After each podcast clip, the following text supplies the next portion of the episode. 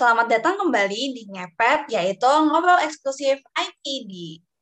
Buat teman-teman pendengar yang masih baru atau mungkin masih clueless nih tentang apa sih podcast Ngepet ini. Jadi uh, Ngepet itu sebuah series podcast yang dihasilin sama teman-teman mahasiswa HIUGM angkatan 2020 yang ambil konsentrasi IPD. Sebelumnya, uh, kenalin dulu, aku Monda, dan di sini aku nggak sendiri, aku sama teman aku. Halo, aku Caca. Uh, kita akan menemani kalian di episode kali ini nih teman-teman. Jadi di kesempatan kali ini, kita bakal ngebahas salah satu topik yang sebenarnya lagi happening banget nih, terutama di kalangan anak-anak muda, terlebih mahasiswa, yaitu tentang thrift shopping. Wah, menarik banget kan? Oke, Mon, kalau kamu sendiri nih, Mon, kamu udah tahu belum sih sebenarnya thrift shop itu apa atau justru kamu udah mulai nih terjun ikutan nge-thrift shopping juga atau gimana? Oke, kalau aku sih mungkin buat definisi thrift shop nanti dulu ya. Kalau dari uh, kebiasaan nge-thrift, aku pribadi tuh suka nge-thrift karena apa ya? Esensi, uh, esensi yang aku pegang dari nge-thrift adalah aku bakalan bisa dapat baju kayak limited gitu yang cuman satu satu apa ya cuman ada satu doang gitu. Aku uh, mungkin bisa dibilang produknya bukan itu doang tapi karena uh, itu limit jadi kayak satu toko tuh cuma satu baju jadi kayak aku merasa oh ya udah ini cuma punya aku gitu. Itu sih lebihan. Kalau kamu gimana cak aku jujur ngetrif um, pernah beberapa kali ngetrif tapi um, aku belum yang bener-bener fokus banget untuk sering nyari baju di uh, thrift shop gitu-gitu tapi memang salah satu keuntungannya itu adalah kita bisa either cari barang yang vintage yang udah mulai jarang banget ditemuin dan harganya biasanya cenderung lebih murah ya Mon kalau misalnya kita beli di thrift uh, thrift store kayak gitu kan jadi nah, bener banget. ngebantu banget untuk kita terutama yang mahasiswa nih yang pemasukannya masih aduh limited banget. Aduh, bener banget. Dalam uh, fashion gitu kan. Iya kayak walaupun mahasiswa tapi yang penting kayak fashionnya masih oke okay gitu kan. Jadi kayak kalau kita dapat murah dan bagus kenapa enggak gitu sih. Iya buat OOTD kuliahan kan ya kan tiap hari masa pakai bajunya sama terus gitu kan. Aduh, malu gitu. Tapi banget. Yes, kenapa kurang lengkap nih kalau misalnya kita ngomongin soal thrifting, kalau nggak langsung sama expertnya yang langsung terjun di dunia perthriftingan.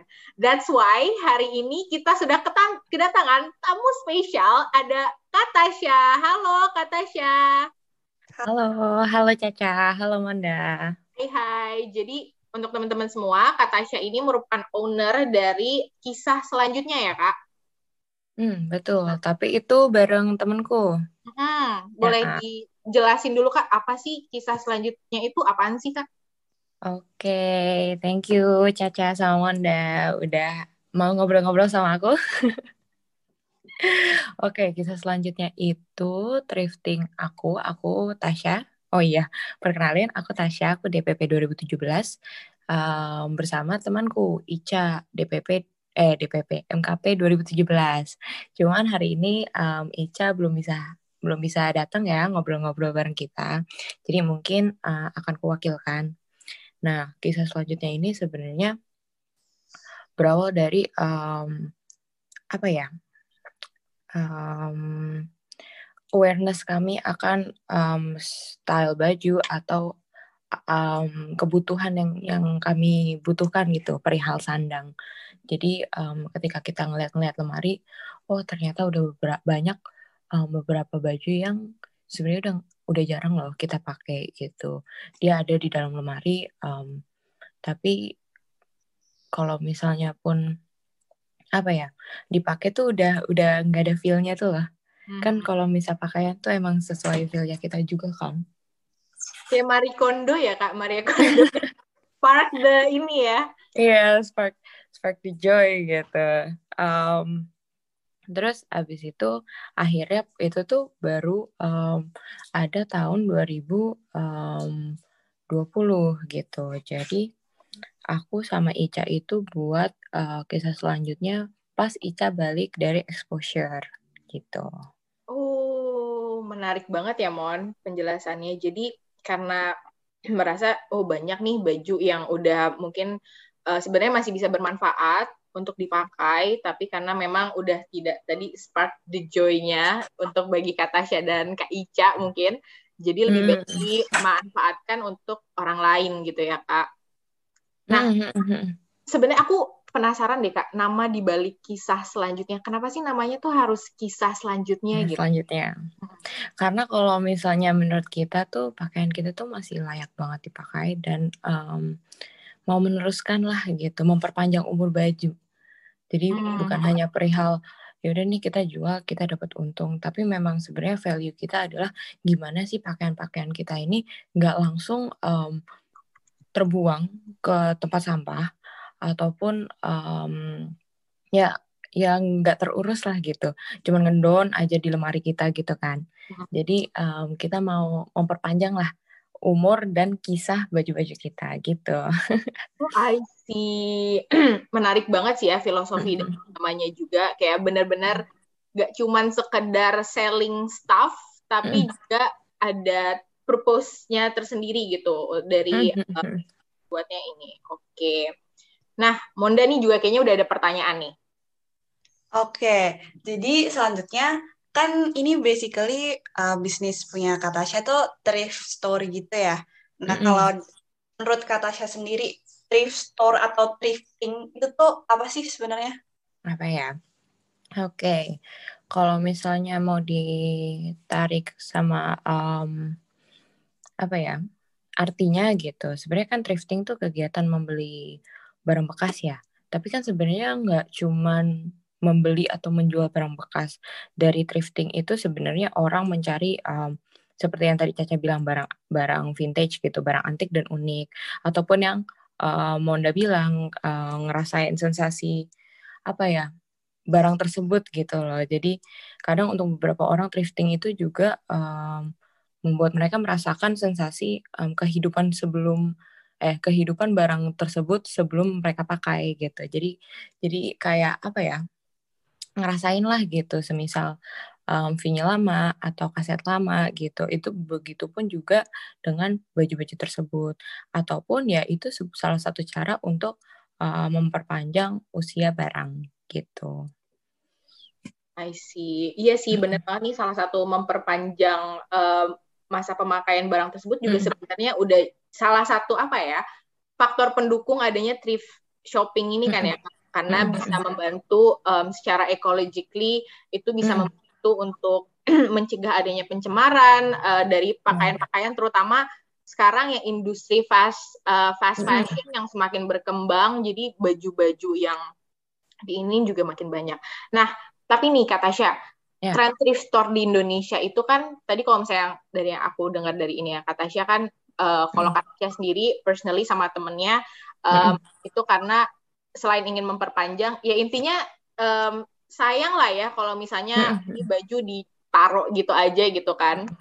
Nah, tapi ini tren thrift shop, uh, tren thrift store di Indonesia ini yang dari yang aku lihat ya dari aku dan Monda lihat uh, sebenarnya ada shifting gitu, meaning konsepsinya mm. mengenai um, thrift uh, thrifting itu sendiri gitu, di mana jadinya um, si thrift store thrift store yang ada itu justru they resell mereka menjual kembali used goods terutama barang-barang impor dari hmm. luar negeri gitu um, untuk profit gitu. Nah kalau misalnya kata Tasya sendiri ngelihat itu kayak gimana kak?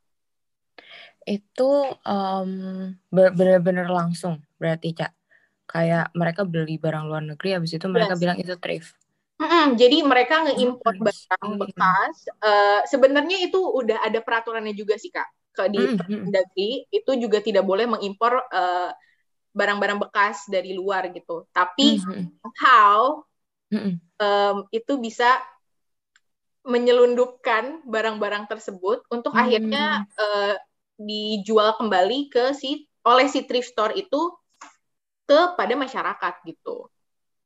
I see. Karena Jadi sebenarnya oke. Okay. Nggak apa-apa. Ya, apa-apa. Ayo, ayo. Oke, oke. Jadi uh, basically itu jadi uh, misal mereka uh, beli bol itu kan biasanya bol tuh jadi kan biasanya thrift store, uh, thrift store itu tuh kalau aku lihat mereka kayak ada karung gede gitu kan Hmm. nah terus tuh ternyata mereka import tuh dari luar negeri. Biasanya dari Jepang sih kalau aku lihat Jepang Korea Hmm. US gitu. Nah terus uh, dan di situ tuh kalau Caca bilangnya tuh kayak kucing dalam karung gitu. Jadi Hmm, uh, hmm, hmm. kamu bisa dapat barang yang kualitas bagus tapi bisa dapat yang biasa aja bisa dapat yang jelek gitu. Hmm, kayak hmm, gitu sih kak. Jadi kayak emang emang mereka willing to beli dari uh, negara lain dan nanti diimpor ke Indo tanpa tak mereka tahu itu tuh kualitasnya kayak apa gitu I see. Karena kalau misalnya sejauh aku tahu ya, aku mungkin belum apa ya aware sampai sana gitu. Tapi sejauh aku tahu kan biasanya orang beli itu yang dari pasar Senen atau beli dari semisal kalau dulu tuh di Jogja tuh ada ini apa namanya? Aduh aku lupa lagi. Pokoknya em, setiap akhir tahun di Jogja gitu ada oh sekaten. Dulu di. Jogja tuh ada sekaten gitu kan. Nah, itu tuh biasanya orang beli banyak di sana baru dia thrifting ataupun toko-toko di Jogja tuh ada kayak Puja atau beberapa toko lainnya tuh emang thrift store gitu loh. Nah, aku taunya tren sekarang tuh biasanya orang beli di sana terus mereka jual dengan harga lebih mahal lagi gitu secara online. Tapi sejujurnya aku kurang tahu untuk em, apa namanya semisal yang dari barang luar negeri ternyata dibeli terus dijual di sini gitu. oke Yes, Jadi ini pengetahuan baru buat aku sejujurnya. Iya, jujur buat kita juga ya, Mon. Hmm, Kita juga bener, sebenarnya bener. shock gitu. iya shock iya Soalnya kita Karena- mikir juga thrift itu esensinya kayak yang Kak Tasya bilang tadi kan ya.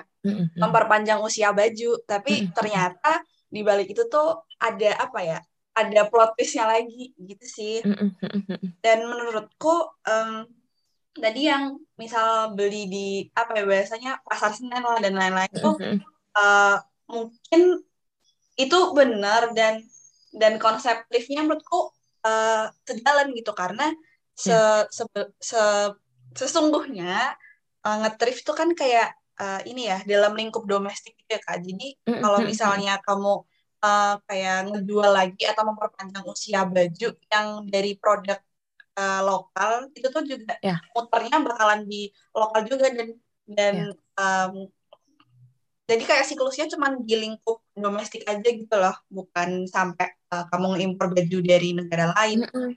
sih Oke, mungkin aku bisa em, ngasih ini kali ya, kayak kenapa sih harus lokal gitu? Kenapa kenapa tidak bisa em, kenapa mungkin produk fashion dari luar itu justru nggak sustainable? Karena sebenarnya poin-poin sustainable itu kan ada tiga ya. Satu ada ramah lingkungan, dua ada lokalitas, dan tiga ada etis gitu. Ketika em, thrifting itu kan masuk ke sustainable karena dia itu lokal dan dia memper, dia berusaha untuk memperpanjang umur baju ya. Mm-mm. Nah, tapi ketika semisal em, ternyata dia itu ken- oh, kenapa sih harus lokal gitu? Sebenarnya lokal itu kan pertama untuk em, menguatkan ekonomi sekitar kita. Dan kedua itu memperpendek em, perjalanan karbonnya tuh loh. Iya. Kalau misalnya dari dari dari sisi sustainable ya. Jadi semisal itu em, dia impor dari luar, berarti kan harus dipertanyakan kembali kan, apakah dia benar-benar thrift shop Mhm. atau dia memang reseller gitu kan? iya benar Yang di mana berarti itu kan itu kan ada regulasinya kan? Iya, Kalau misalnya reseller dan lain-lain gitu. bener sih. Karena impact-nya itu nggak cuman nggak cuman eh, dari sisi lingkungan aja, tapi dari kesehatan juga ya. Apalagi kan maksudnya kalau misalnya mereka memang imported goods eh, tapi masih baru kan setidaknya eh, kita masih tahu lah kualitas dari sisi kesehatan misalnya masih bisa terjaga gitu. Tapi kalau misalnya Hmm. udah udah impor barang bekas pula itu kayak nggak beda sama aja kayak mindahin sampah aja nggak sih kak? Mindahin Iya, sampah iya, dari iya. ke tempat lain gitu dan akhirnya dijual lagi gitu and it's very unfortunate aja gitu loh ternyata banyak banget orang-orang yang masih melihat thrift store eh, thrift store membang- membuka thrift store ini dengan tujuan profit yang sebenarnya gimana ya udah nggak inline lagi gitu loh sama Iya, iya, iya, konsep thrift thrifting apa misalnya Mm-mm. yang awal gitu kan Nah, kalau dari Katasha sendiri, uh, dari teman-teman Katasha yang mungkin punya kenalan gitu kak di thrift, punya thrift store juga, um, yeah. kalau mereka biasanya um, modelnya kayak gimana kak untuk apa menjalankan bisnis thrift store-nya itu? Mm, I see. Kalau kemarin itu aku juga um, sempat kisah selanjutnya itu ada di Thrifting Paradise. Hmm. Jadi kalau misalnya di Jogja itu ada um, biasanya acara itu isinya um, toko-toko thrifting online gitu di offline kan di yeah. um, thrifting paradise tersebut. Nah teman-temanku tuh biasanya um, yang di thrifting paradise ya hmm. itu tuh um, kayak aku gitu loh. Jadi baju-baju mereka yang dirasa udah kebanyakan gitu, dirasa kayak sebenarnya udah bukan styleku lagi, dirasa sebenarnya masih layak dan masih masih patut untuk diperjuangkan um, usia bajunya gitu. Itu mereka bikin thrift gitu. Hmm. pun ataupun ada yang um, semisal isinya kebaya-kebaya gitu. Tapi kan itu kan juga lokal kan dari iya. pasar-pasar lokal pastinya um, kebaya-kebaya jadul lah gitu. Tapi kalau gitu. ngelihat dari antusiasme sendiri kak antusiasme masyarakat sendiri terhadap hmm. either uh, dari untuk kisah selanjutnya sendiri maupun hmm. tadi Paradise yang acara tadi itu hmm. gimana? Apakah antusiasmenya tinggi atau mungkin masih rendah sebenarnya masih banyak mungkin teman uh, masyarakat yang masih belum tersosialisasikan mengenai thrift store sendiri menurut kata. Hmm. Menurutku kalau misalnya udah tahun-tahun segini tuh orang udah mulai aware ya akan kayak nggak apa-apa loh sebenarnya kita pakai second gitu nggak apa-apa loh sebenarnya nggak harus baru dan apa ya kan sekarang juga muncul kan gerakan-gerakan seperti kayak tukar baju gitu yes. kayak nggak juga kayak tapi kita tukeran baju yuk gitu. Dan aku pun juga um, selama kuliah itu sempat sebenarnya um, tuker-tuker baju juga gitu sama teman-teman mm. kosku gitu kayak ih kayaknya nih sebenarnya um, ini tuh udah bukan styleku lagi tapi kayak kayak masuk nggak di kamu gitu terus kayak kita tukeran baju gitu kan. itu seru banget sih kayaknya itu emang harus di ini emang bener sih kak maksudnya stereotype di masyarakat pun stigma tentang di lo kok pakai baju bekas gitu kan. Itu masih ada lah ya. Jadi masih ada masih, masih ada. ada gitu. terutama generasi-generasi di atas kita ya. Yes benar-benar maksudnya ibu bapak kita ngeliat yang kayak aduh kok ngetrif sih? Gitu. Itu kan barang bekas. Maksudnya nanti kalau misalnya yang sebelumnya punya penyakit apa gimana segala macamnya apalagi perihal baju ya gitu uh, dan uh, mungkin juga kayak ini ya. Nggak tahu sih uh, uh, interpretasi orang aja kalau bekas tuh rasanya kayak lusuh lecek gitu. Tapi kalau misal kita bilangnya second hand atau pre-love tuh jadinya kayak beda aja nggak sih? Padahal sebenarnya basically sama gitu. Permainan bahasa ya. Tapi sejauh yang ku tahu ya, sebenarnya orang itu ya aware dulu gitu akan akan akan zoom out akan helikopter view-nya. Kenapa sih kita harus nge-thrift gitu? Pun thrift tuh nggak nggak harus kayak kita pengen beli barang tuh kita harus nge-thrift gitu loh sebenarnya. Terdapat apa ya kayak kayak um, kalau dibilangnya the biocracy of needs lah gitu. Mm-hmm. jadi segitiga di mana um, pertama sebenarnya kita harus gunain apa yang kita punya dulu. Yang kedua itu kalau bisa pinjem kenapa enggak? Yeah. terus yang ketiga itu tukeran tuker baju kayak gitu-gitu dan segala macem. Terus yang keempat baru thrifting. Karena kayak banyak ya, ya ternyata tahapannya. Iya yeah, jadi sebelum sebenarnya sebelum kita membeli sesuatu um, apa namanya banyak gitu tahapannya. Terus setelah thrift baru ya kita bisa membuat lah gitu. Buat sweater ngerajut segala macamnya. Baru kalau misalnya udah kepepet banget baru kita beli baru. Sebenarnya tuh ada ada ada tingkatannya gitu. Wah ini ilmu aku, baru iya, banget. ilmu baru banget. Hmm. ya udah kalau uh, nggak nggak beli ya beli. Itu doang pilihannya kayak sempit itu doang. Wow. ya, ada option lain gitu. Tapi ternyata yeah. yeah dimaksimalin dulu dari yang lingkup terkecilnya dulu dari kita orang-orang di sekitar dulu baru akhirnya decide untuk kayak either thrifting kalau misalnya benar-benar udah kepepet banget tadi kayak kata kita baru deh beli gitu kan boleh hmm. gitu. Bener sih. Ini berarti kan sebenarnya masyarakat harus di um, kesadarannya dulu loh dipantik. Kenapa sih um, ketika berarti kan konsumsi kita ya, konsumsi kita terhadap barang dan apa pun itulah sandang, pangan, papan gitu. Itu kan harus di apa ya? disadarkan gitu, kebutuhan pribadi masing-masing. Benar banget sih. Kalau misalnya emang masyarakat tersosialisasikan tentang masalah kayak gini, gak cuma dari konsumennya juga ya, dari sisi yang mengusahakan pelaku usaha thrift store-nya juga kalau misalnya punya konsep hmm. yang pakem banget tentang apalagi kalau misalnya tujuannya in order to be eco friendly itu kan hmm. impact-nya bisa jauh lebih besar itu bakal lebih apa ya istilahnya lebih jos lah uh, dalam mencapai goals untuk lebih sustainnya itu. Iya iya iya.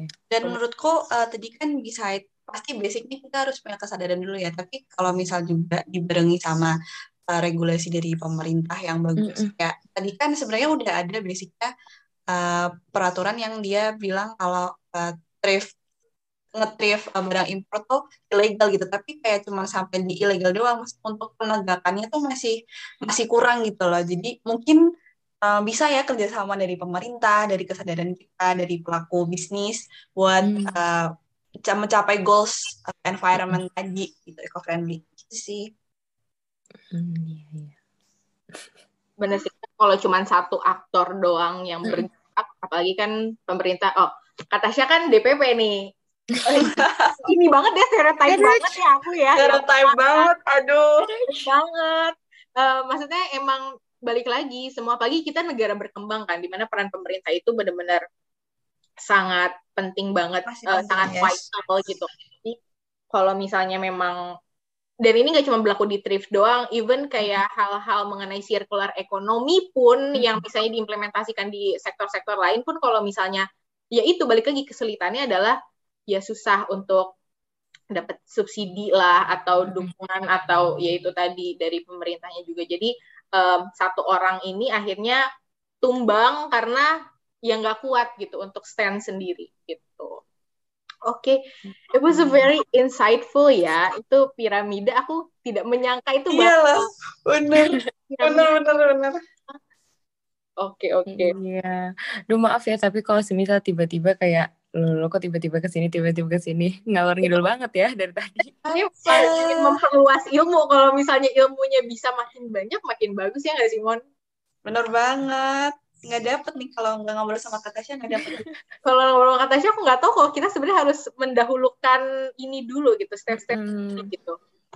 Ataupun kalau misalnya belum sejauh itu gitu, mungkin steps. Kalau aku ya dulu hmm. aku pertama kali untuk um, pas ketika belajar belajar tentang ya sustainability dan segala macam ini tuh untuk pembelian baju tuh pertama tuh aku biasanya ini, duh aku pengen nih ya udah aku aku aku simpan aja dulu gitu. Terus seminggu kemudian masih pengen gak sih? Gitu. Oh. terus oh, masih pengen gitu. Oh tapi tetap aku simpan dulu. Sampai sebulan aku masih pengen gak sih barang ini gitu? Semisal kalau pengen banget gitu. Jadi kayak kira-kira dilihat gitu loh sebelum sebelum beli daripada kita impulsif kan ah beli gitu. Tapi ternyata ternyata itu cuman um, keinginan yang ya udah yang sesaat aja sesaat gitu aja ya, ya benar. Mm -hmm. jadinya justru nanti yang ada kalau misalnya thrifting mm -hmm. dengan konsep seperti itu jadinya hedon ya kan hedon apa ya. jadi pengen beli gitu mumpung oh ini murah atau oh, ini ada barang vintage yang aduh pengen banget gitu dari kemarin ditemuin akhirnya jadinya ujung-ujungnya konsep untuk apa biar menjaga um, si either sustainable dari perjalanan mm. bajunya sendiri esensinya juga jadi nggak dapat gitu karena akhirnya kita udah beli barang thrift ujung-ujungnya gak kepake lagi gitu karena cuma nafsu doang gitu kan pas beli. Nafsu doang iya. Balik ke ini ya etik konsumen ya. Yes benar-benar itu penting. dan mungkin itu kenapa akhirnya um, kisah selanjutnya tuh juga nggak yang menggebu-gebu kayak ayo ayo beli beli ayo ayo beli di thrift apa di di kisah selanjutnya gitu. Karena menurut um, kami pun juga ya udah nanti barang-barang itu bakal ketemu sama um, jodohnya gitu sama owner yang akan jadi jodohnya gitu. Aku suka banget deh konsepnya yang kayak gini kayak ya pasti kalau misalnya udah takdir jodohnya itu pasti bakal ketemu ya somehow. Mm -hmm. gimana pun mm -hmm. perjalanan itu kalau misalnya emang udah di tek ya buat kamu Tek. Iya. Bakal ketemu gitu. Mana punya. Bagus ya, atau kita bikin aja nih kayak gimana? nanti kita pikirkan ya Mon soal Oke. itu. Boleh banget nih untuk biar kita juga bisa secara langsung berpartisipasi Mm-mm. em, untuk menjaga lingkungan juga, untuk Ah, lebih Dan racing. dan sekarang si kisah selanjutnya itu sebenarnya tuh kenapa um, di bio tuh aku bilang kolektif kan. Hmm. Jadi um, karena sebenarnya itu bukan pas akhirnya berke- berkembang ini tuh sebenarnya nggak cuman baju aku dan Ica lagi, cuman teman-temanku dan teman-teman Ica yang nitip dong gitu. Itu tuh bisa bisa banget gitu. Jadi Wih. bisa kalian. Gitu, lo lalu promosi.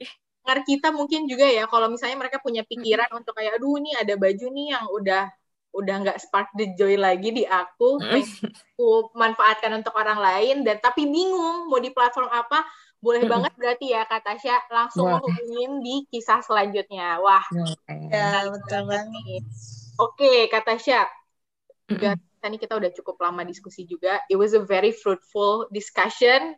Aku Bunda Thank you. banget bisa kesempatan berdiskusi bersama sama Kak Tasya ngomongin hal ini karena it's a very important uh, issue dan emang lagi Mm-mm. happening banget. Dan karena juga happeningnya di antara para anak muda dan anak muda Mhm. generasi berikutnya yang harusnya lebih bisa aware dengan hal-hal sustain lah yang kayak gitu-gitu emang harus diinin lagi gitu awarenessnya. Um, untuk dessert, untuk penutup, aku pengen uh, Kak Tasya menyampaikan pesan untuk teman-teman either yang mau buka thrift shop Mm-mm. atau mungkin yang mau thrift shopping. Ada gak? Oke. Silahkan. Mungkin apa ya? Um, aduh aku deg-degan, wow. Hey, aku tidak di briefing dulu akan hal ini gitu, apa-apa deh. Pun. Apa ya pesan-pesan untuk um, sadar akan konsumsi sih, sadar akan konsumsi um, itu tuh penting banget dari dari sisi penjual ataupun pembeli gitu loh. Karena konsumsi-konsumsi kita tuh yang nantinya tuh juga akan apa ya? Either kita akan pakai terus atau enggak kan itu kan tergantung kita ya. Mm-mm. Jadi ya udah.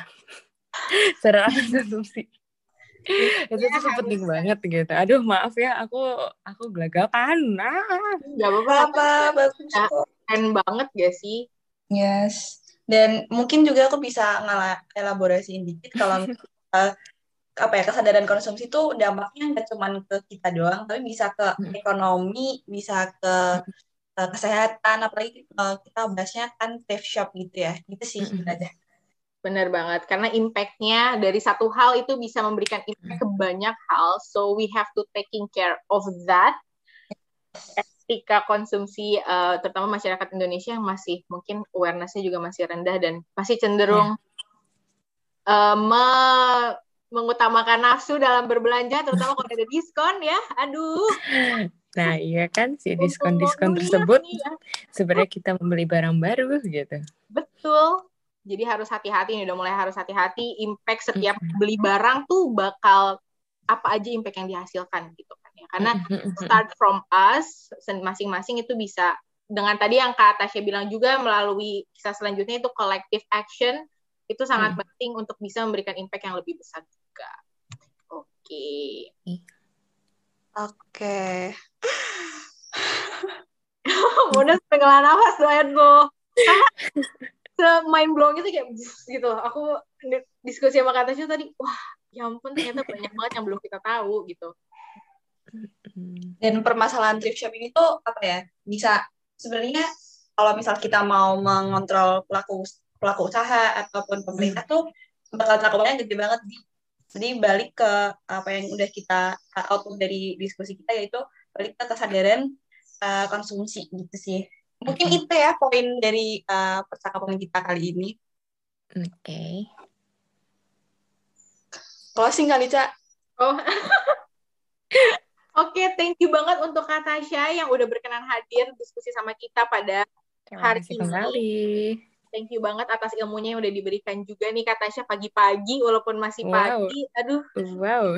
yang dikasih tuh udah Iya, semoga bermanfaat. Amin. Amin, amin. Semoga para pendengar kita juga bisa langsung mengimplementasikan tadi uh, ilmu-ilmu yang udah disampaikan juga oleh Kak Tasya tadi mengenai thrift, uh, tentang thrifting maupun tadi tentang uh, etika konsumsi uh, etika konsumsi juga.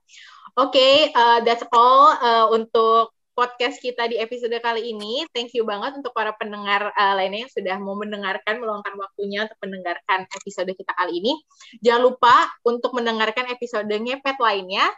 Uh, dan I'll see you guys soon. Dadah, sampai jumpa semuanya.